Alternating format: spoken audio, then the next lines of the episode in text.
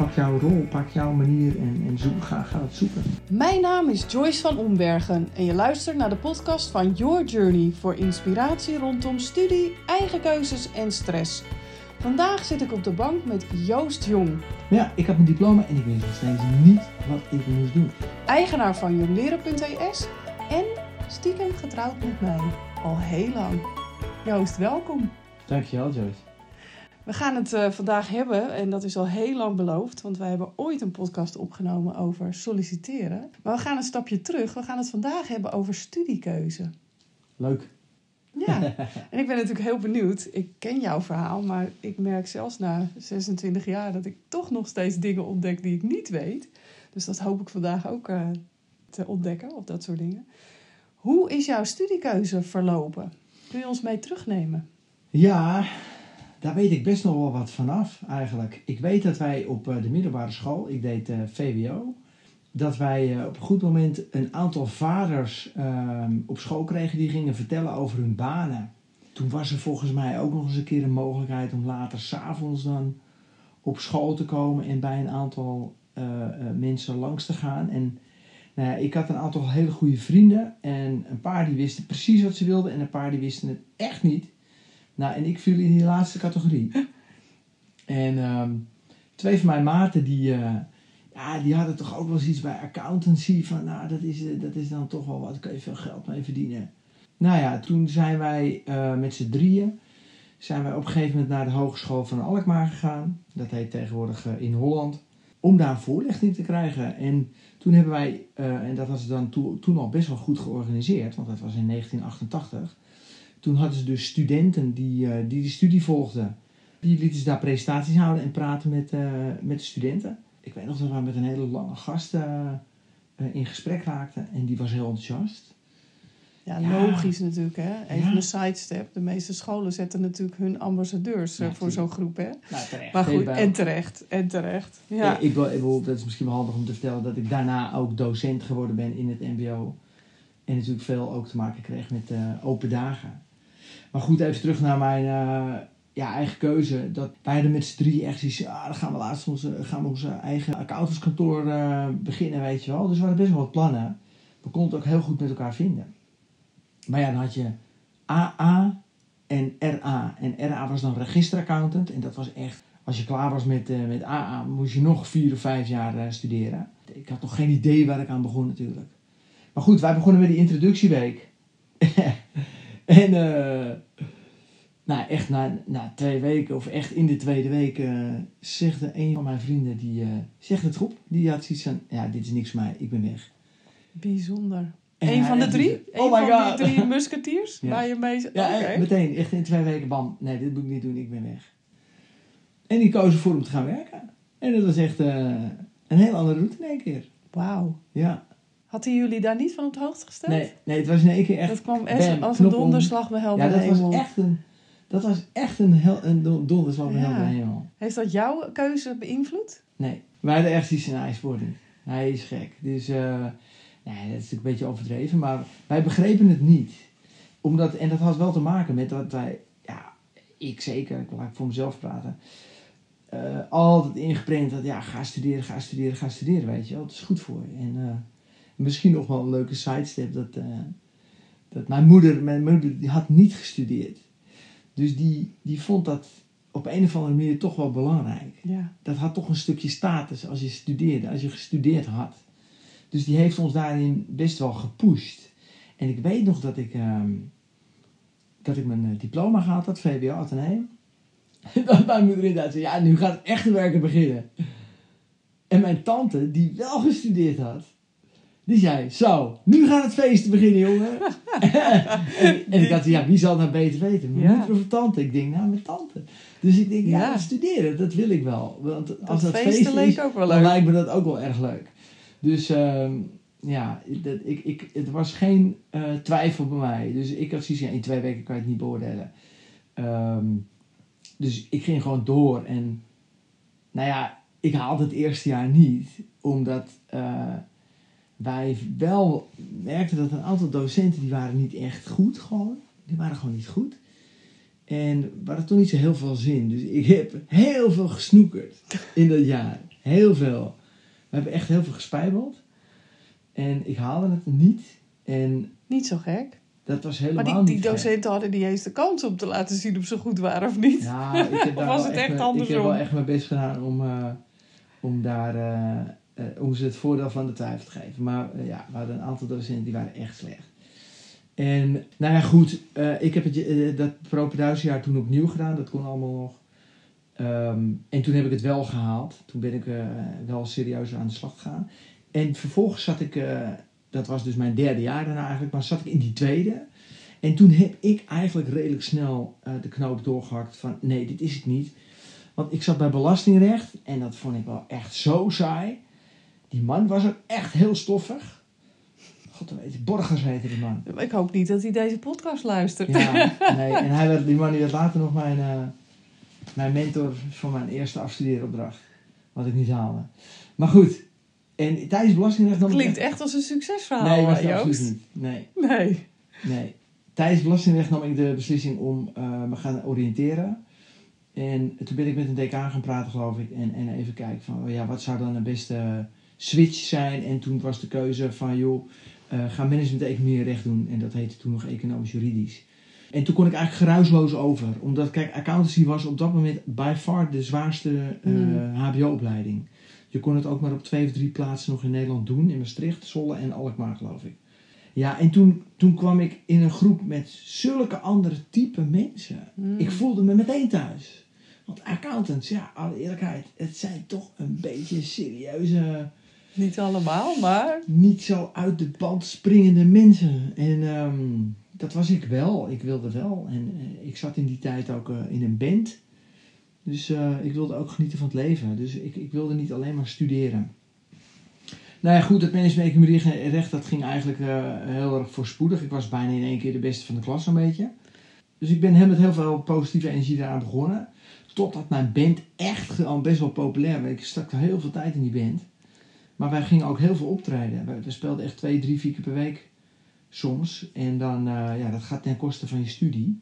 Dus uiteindelijk heb ik toch nog weer een extra jaartje moeten doen om die studie af te ronden. Ik had echt maar twee vakken of drie vakken die ik dan nog moest halen. Maar uiteindelijk heb ik dat gehaald. Dus ik heb uiteindelijk zes jaar gedaan om eh, Ja. alles eh, af te ronden. Ja, en je zei het net al, dat kon toen, toen nog. En Ja. het kan nog steeds. Alleen hangt daar een ander prijskaartje Ja. aan, hè? Het kost gewoon meer geld. Dat is echt zo. En, Ja. Nou ja, al met al, ehm, ik zeg nooit dat ik eh, spijt heb van dingen.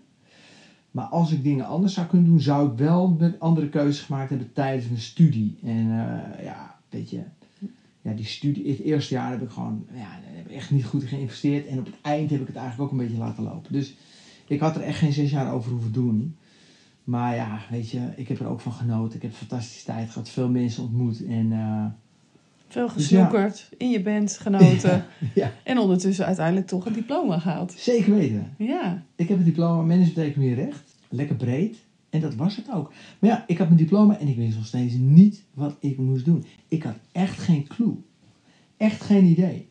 Dus ik ben bij Randstad, eh, heb ik gewoon ingeschreven als uitzendkracht. En, maar vind er iets voor me. Dit is mijn diploma en ik heb geen idee. Het maakt me niet uit. Succes. En ik was op dat moment geloof ik aan het schoonmaken nog en het afwassen in een restaurant. En schoonmaken op de hoogovens volgens mij.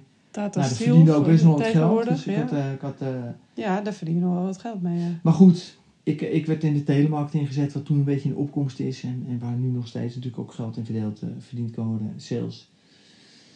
En via, via ben, ik, ben ik uiteindelijk altijd, eigenlijk daarna in mijn leven altijd gevraagd om ergens te komen werken. ja. Bij Randstad ging ik dus bij, of tenminste via Randstad ging ik in de, in de telemarketing werken, sales.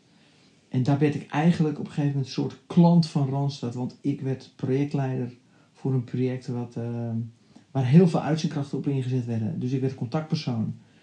Ja, en die manager van Randstad, die zag van dat ik wat in huis had. Dus die vroeg mij op een gegeven moment van, joh, wil je niet bij Randstad werken? Dus dat was een half jaar later. En toen heb ik gezegd, nou ja, prima. Want hij had een vergelijkbaar soort project bij de Belastingdienst. dat belastingrecht heb ik uiteindelijk heb ik ook wel gehaald nog trouwens. Nou, Toen, toen ik in die andere studie kwam, heb ik dat uiteindelijk nog gekozen. Zo zie je maar hoe eigenlijk in twee jaar tijd dat eh, je hele wereld ook kan veranderen. alles kan veranderen. En jij Ja. zelf ook, hè? je mindset. Je, je zei het al, je, je ging in één keer in een andere omgeving, andere types. Eh, Ja. Heeft dat ook invloed gehad op hoe je ja, sneller door dingen heen ging of makkelijker? Nou, jawel. je, Want we waren wel, eh, ja, we waren wel gemotiveerde gasten. Maar die, Ja. die ook leuk vonden om uit te gaan. en eh, het- tijdens onze stage, eh, eerst mijn eerste stage...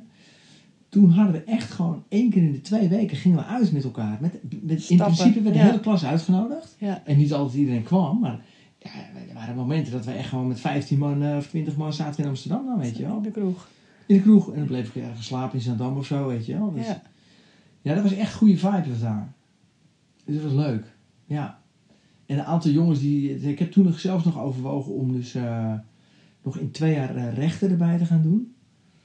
Maar ik was toch klaar met studeren. En, en ik vond die band ook zo leuk. En ja, daar verdiende ik ook wel wat geld mee, weet je wel. Dus er Ja. was weinig noodzaak. En mijn pad lag anders. Dus ja, mooi. Je zegt noodzaak inderdaad. En eh, wij hebben natuurlijk vaker gesprekken over dit. Over eh, hoe, eh, ja, hoe je doelen kunt behalen. Hoe je je studie af kunt ronden. We werken natuurlijk met jongeren. ja. Voor de luisteraars, we, we zijn niet alleen getrouwd, we runnen ook een business samen. Dus dat, eh, en werken veel met jongeren. Dus ja, als er een noodzaak is, dan ga je knallen. En ja, eigenlijk in jouw verhaal is dat ook wel een beetje terug te zien, denk ik. Dat je in het begin die noodzaak nog niet zo voelde. Nee. En op een gegeven moment wel. Zo van, oké, nu is het wel, hè, nu is het Nu klaar. is het en dan klaar. Ja. Dan gaat de knop om mij en dan ga ik ook echt. Ja, dat Ja. is echt wel zo. En, Ja. ja. ja. Nou, dat is wel, wel mooi, want als we het hebben over studiekeuze. eh, nou, ik, eh, ik heb toevallig van de week eh, een, eh, weer een eh, coachgesprek gehad met een jongere. En daar kwam dat, dat woord noodzaak ook voorbij. Eh, hoe belangrijk is het ehm, bij je studiekeuze, maar ook eh, bij wat je uiteindelijk wil bereiken in je leven? Hoe belangrijk is die noodzaak? En in haar geval eh, kwam de noodzaak voorbij dat ze een bepaald, eh, bepaalde keuze moest maken qua hard werken een jaar lang. Om uiteindelijk de studie van haar dromen te kunnen doen. ja. Ja, en dan, Ja. dan ga je. En Ja, dan gaan al die vakken waar je misschien een bloedhekel aan hebt. Of waarvan je denkt, ja, maar dit, dit vond ik niks. Dat zijn opeens geen redenen meer. Nee, Omdat je weet waar je het voor doet. Er zijn altijd onderwerpen, dingen en ook in je werk. Ja, Ja, die, die minder leuk zijn of die zelfs misschien helemaal niet leuk zijn. ja, En het heeft niet altijd met noodzaak te maken. Het heeft ook te maken met doelen, eh, met, met wensen en willen. Weet je. Als jij heel duidelijk iets wil, dan, dan is het natuurlijk veel makkelijker om je zinnen erop te zetten. Als dat jij gewoon niet weet wat je wil. klopt. En dan haak je toch uh, verhoudensgewijs sneller af. En de truc is dan om, ja, om op zoek te gaan naar wat je echt wil. En ja, eh, coaching nou, bestond nog niet eens toen. Um, dan, maar, maar praten met mensen wel. Ja. En, en dat is wel handig om dat te doen. Om je te oriënteren. En om eens te kijken naar ja, wat type mensen uh, inspireert mij nou. En ah, ik had best wel wat voorbeelden. Weet een tante tegen mij ook zei van... Ah, Jury, is echt slim hoor om te doen ook weer kun je veel geld mee verdienen. Maar Ja. ja, terwijl uiteindelijk, en daar ben ik natuurlijk nu lang, daar kwam ik eigenlijk al heel snel achter. Dat is het niet. Dat zat notabene in mijn studie, heb ik geleerd dat geld gewoon een dissatisfier is. Hè? Het is. Het moet in orde zijn, maar het is niet die ultimate motivatieprikkel om mensen blij en gelukkig te maken in hun Nee. werk. Geld is een middel. Met geld Ja. kun je dingen, hè, vrijheid eh, kopen. Dus eh, geld is in dat opzicht natuurlijk wel belangrijk. Hè? Zonder geld kun je geen boodschappen doen. Kun je niet die vakantiereisjes maken. Maar ik snap wat je bedoelt. Ook als het gaat om bijvoorbeeld salaris. Hè? Als iemand salarisverhoging krijgt, dat is een maand leuk. In de tweede maand ben je ook nog blij met die salarisverhoging. Maar Ja. dat went ook heel snel. Ik geloof niet, ja. En als het dan een rotbaan blijft, dan is het uiteindelijk niet inderdaad de ultimate satisfier. Dan ga je toch eh, niet gelukkig zijn. uiteindelijk, als je mensen gaat vragen wat het geluk in hun werk is, het kan er bij mij niet in dat geld één is. Kan niet, want je blijft niet om het geld bij een bedrijf. Tenzij er een noodzaak is om dat geld te hebben, Ja. maar dan is er een andere reden waardoor je zegt, ik wil die blijven. En ik maak die vergelijking nu wel eens met studenten. Als ik zeg van, hoe kan het dat er in Nederland zoveel mensen burn-out zijn? Er zijn zo ontzettend veel banen. Nou, en ik ben in mijn carrière ook HR-manager geweest. En mijn conclusie was dat heel veel mensen die bleven hangen in een baan. Terwijl ze eigenlijk zagen dat het gras bij de buren groener was. Dus ik, er waren heel veel kansen om de stap te zetten naar een ander bedrijf. Maar ze durfden het gewoon niet.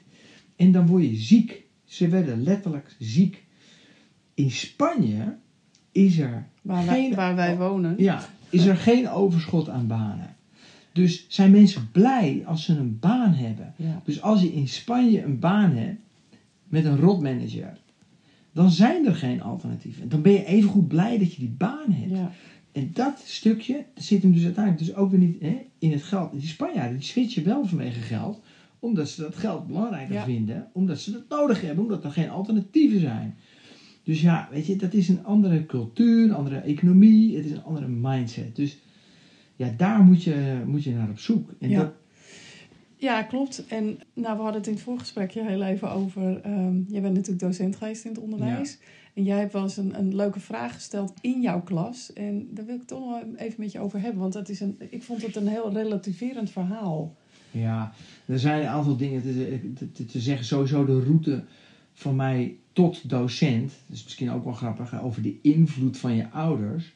Want ja, ouders die hebben gewoon invloed op hoe ze hun kinderen voorbereiden op het Mhm. maken van die keuze. En dat kan heel positief zijn. Maar dat kan ook negatief zijn. En wij komen erachter dat, dat, dat veel jongeren ook onbewust toch heel erg beïnvloed zijn door hun ouders. En ook door de keuzes die hun ouders gemaakt hebben. Kijk, zo, mijn moeder die, die, ja, die verwachtte het bijna van ons dat we gingen doorstuderen. Die vond het ook, want dan heb je status, heb je geld, et cetera, belangrijk. Maar ja, eh, is, is dat wat, wat ik nou eigenlijk belangrijk vond, weet je? Ja. En, Nou zal dat misschien ook meegespeeld gespeeld hebben. Mijn, nou, jouw moeder en mijn moeder zijn natuurlijk uit hetzelfde bouwjaar, zou ik Ja. maar zeggen. Dat het vroeger heel vaak eh, meiden niet mochten. Meisjes mochten niet studeren. Nee. Ik weet van mijn moeder dat de broer mocht studeren, maar zij niet. Terwijl ze even slim zijn. ja. Eh, maar dat ging gewoon om, je, ja, je trouwde en dan stopte je zelfs met werken. Mhm. Dus studeren is natuurlijk een verworven recht. Dus dat snap ik van je moeder ook wel. Dat Nou. dat ook een motivatie kan zijn geweest. Nee, tuurlijk. En een van de dingen die mijn moeder ook gezegd heeft, en dat hebben we altijd natuurlijk als een grap opgevat, maar dat was: Ik verbied jullie om het onderwijs in te gaan. Ja. Omdat mijn vader docent was. Ja. En die eh, maakte behoorlijk veel uren. Die zat s'avonds heel vaak eh, nog eh, te werken. En relatief kreeg hij weinig waardering vanuit de maatschappij als docent. Nou, Ja. had mijn vader heel veel plezier in zijn werk en had een goede band op school, had een goede band met zijn leerlingen. Dus dus dat, hij was gewoon gelukkig in wat hij deed, dat was prima. Maar voor de, voor de buitenkant. Als je het over status hebt, ja, ja, ja, klopt. niet echt een baan waar je Oké, zegt, weet nou, dokter, dokter worden of eh, precies. advocaat of eh, ja, jurist inderdaad. Ja. Nou ja, ja. Ik, door, door allerlei omstandigheden in, mijn, in, in, in, in ons gezinsleven, in mijn leven, heb ik uiteindelijk de keuze wel gemaakt om het onderwijs in te gaan. Ja, en dat paste als een jas. Dat was ook echt fantastisch. Ik vond het echt misschien, eh, naast dat ik nu eigen ondernemer ben, een van de meest eh, leuke banen die ik gehad heb. Omdat ik al die ervaring die ik daarvoor in het bedrijfsleven had opgedaan, kwijt kon. Dus die vraag die jij in de klas stelde. Ja, precies. En nou ja, dat was het natuurlijk. Dat in het laatste jaar van de student, ik gaf op het mbo les, moesten ze natuurlijk gaan nadenken over de vervolgstap. En ik gaf les aan de opleiding Junior Account Manager. Wij deden dat in het Engels, dus we hadden studenten die best wel gemotiveerd waren, maar die een hele commerciële studie kozen. En dan liet ik ze dus nadenken over wat ga ik doen. En dan hadden ze al best wel wat eh, oriëntatie gedaan en dan ging het op het zetten. En de conclusie was dat meer dan 60% van, mijn, van die klas, twee klassen waren het notabene, en die hadden vergelijkbare getallen, die kozen voor om niet in een commerciële studierichting door te gaan. Ja, weet je, dat was gewoon bang, zo'n relativering. Want hoe belangrijk is dan de keuze voor een MBO-studie als Ja. je daarna doen. totaal andere ja. dingen gaat doen? Ja. Dus iedereen, ik wil iedereen zeggen, en dat deed ik ook op open huis, als, ik, als wij open dagen hadden. Hè, daar lieten wij natuurlijk ook de studentenpresentatie houden, zoveel mogelijk praten met, met, met jongeren. Ik zei altijd tegen de studenten, stoppen. Je moet niet de opleiding verkopen. Dat, je moet het niet verkopen. Je moet voorlichting geven. En dat is echt iets anders. Iemand moet gewoon informatie krijgen. Dit is het, dat is het. Dit is bij je De nodig. voordelen, dit, Dit zijn de nadelen. Ja, ja, ja. Klaar. Ja, het eerlijke niet plaatje. binnenhalen, want dat werkt gewoon niet. Nee. Drie dingen die zijn belangrijk in het maken van die studiekeuze. Je kiest een studie of omdat je echt een passie er hebt, je wil dat graag. Of omdat je denkt, hé, hey, zo haal ik het heel makkelijk, dit is een eitje. Of ik wil mezelf challengen. Andere opties hoeven er niet te zijn. Echt niet. En als je dat mbo-papiertje hebt, Dan gaat de wereld weer opnieuw open. Dan kan je, weet ik van wat kiezen. We hebben studenten hier die in Spanje stage hebben gelopen. Die hadden junior accountmanager. En die gingen daarna verloskunde studeren. Ja. Dat je denkt, Hoe dan? Ja. die komen er in die drie jaar mbo achter. Oh my god, dit is het niet. Ik Nee. moet echt iets anders doen. En dat is het voordeel in Nederland. Het kan. En misschien moet je even een paar vakjes halen. Ik bedoel, eh, we hebben ook studenten gehad die... Ja, die dan weer... Piloot. Ik heb een aantal studenten die Ja, piloot ja, zijn geworden. Nou, die hebben keihard eh, moeten blokken om, eh, om wiskunde en biologie of natuurkunde of zo nog te halen. Maar ja, die wisten in één keer van wat, ik wil, wat ze wilden. En die gingen blokken en die gingen het halen. Ja, en ik denk dat alles wat je daar leert ook echt niet weggegooid is. Ik bedoel, je ontwikkelt je vrij breed. Helemaal niet. En die commerciële of, eh, eh, of ondernemerskills die je daarop doet, daar heb je de rest van je leven wat aan. Nee, zeker weten. Nee, maar maak die keuze dus niet te moeilijk. Kijk naar je passie. Kijk naar wat je wil, eh, zo makkelijk mogelijk. Of, oké, hier moet ik even voor knokken. En dat vind ik, dat heb ik echt nodig om iets Ja, goeds te doen. Precies, en dan, dan hebben we die noodzaak weer. Precies. Ja. Ja. Zijn er ehm, andere wegen ook mogelijk? Als in eh, gewoon even een tijdje niet studeren? Want het tussenjaar bijvoorbeeld is eh, heel erg in opmars. Ja, nee, Hoe kijk je daarnaar? Als, dan ben ik wel benieuwd als docent, maar ook als ouder. Hè? We hebben Ja. allebei kinderen. Hoe kijk je daarnaar?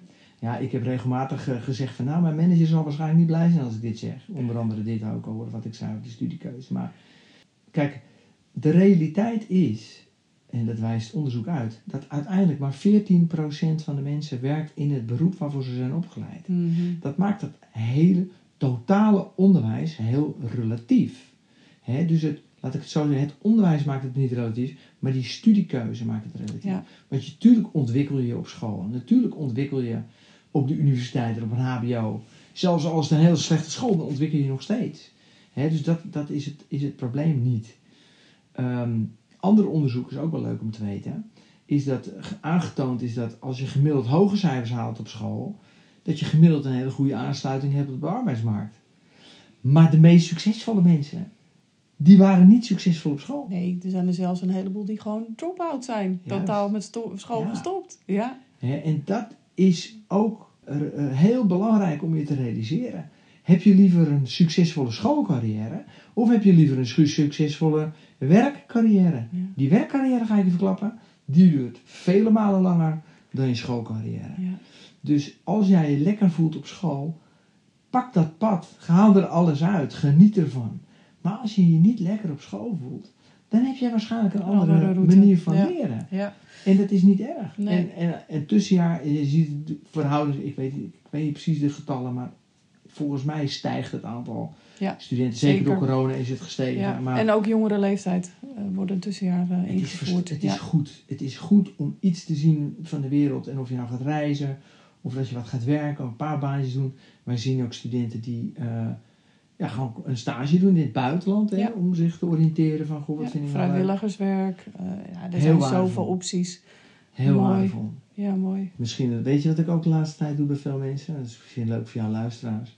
Doe even je ogen dicht. Ja. We gaan, we gaan hem gewoon even doen. Doe je Dus ogen eh, zit je te luisteren en denk je, nou Joost, eh, kom maar door. Precies. Sluit je ogen. En dan denk jij, wie was mijn allerbeste leraar? Wie was mijn allerbeste leraar? Nou, waarschijnlijk heb je nu al iemand op je netvlies. Je hoeft het niet te zeggen, ze kunnen het niet terugpraten. Nee, ze kunnen het wel opschrijven. En vervolgens vraag ik, ehm, waar heb je het meest geleerd? In of buiten het klaslokaal? Nou, wat denk je dan dat mensen ge- aangeven? 100% van de mensen die ik dit vraag. Nou, dat is niet waar. Ik heb één keer iemand gekregen. Eén keer heeft iemand tegen mij gezegd, binnen het klaslokaal. ja. En dat Ja. was een Spanjaard, geloof ik. Ja, wat me dus en de meeste inderdaad buiten. Ja. De meeste zegt buiten. En ik zeg, was dan ook die leraar die jij op je netvlies had buiten of binnen het klaslokaal? Nee, dat was 9 van de 10 keer altijd iemand binnen het klaslokaal. Ja. En dat komt omdat we geprogrammeerd zijn om in die schoolbanken te denken, Te zitten, te ja. ontwikkelen. ja. Maar je leert het meeste buiten de school. Dat is een veel, je bent er ook veel meer tijd kwijt. En dat klopt. En je bent nooit uitgeleerd. Hè, mijn motto, een dag niet geleerd is een dag niet geleefd. Daarom. Je gaat je hele leven blijf je dingen leren, mits je ervoor open blijft staan. Juist. En ik geloof ook in dat iedereen wil leren. Alle studenten, hoe irritant ze ook in het klaslokaal kunnen zijn. Ja, weet je, die, eh, die wil, iedereen wil leren. En iedereen heeft zijn verhaal. En dat is het nadeel natuurlijk van het schoolsysteem. Dat je met 20, 25 man, soms 30 man in een klas zit. Met allerlei eh, jongeren die allerlei verschillende leerstijlen hebben. En ja, laat je er niet door afleiden, zou ik zeggen. En pak jouw rol, pak jouw manier en, en zoek, ga, ga het zoeken. Mooi.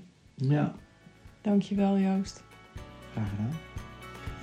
Kom ik aan het eind van deze aflevering. Heb je een vraag? Je vindt me op Instagram via yourjourney.a. Ik vind het leuk om daar met je te connecten en jouw vragen te beantwoorden. Kun je wel wat hulp gebruiken bij studie eigen keuzes of stress? Ga dan naar yourjourney.academy en download mijn gratis videoserie of 30 tips tegen stress. Wil je contact opnemen met Joost? Dan kan dat via LinkedIn onder zijn eigen naam Joost Jong hij vindt het vast leuk om daar een berichtje van je te ontvangen en ik weet zeker dat je antwoord krijgt. Bedankt voor het luisteren en tot de volgende keer.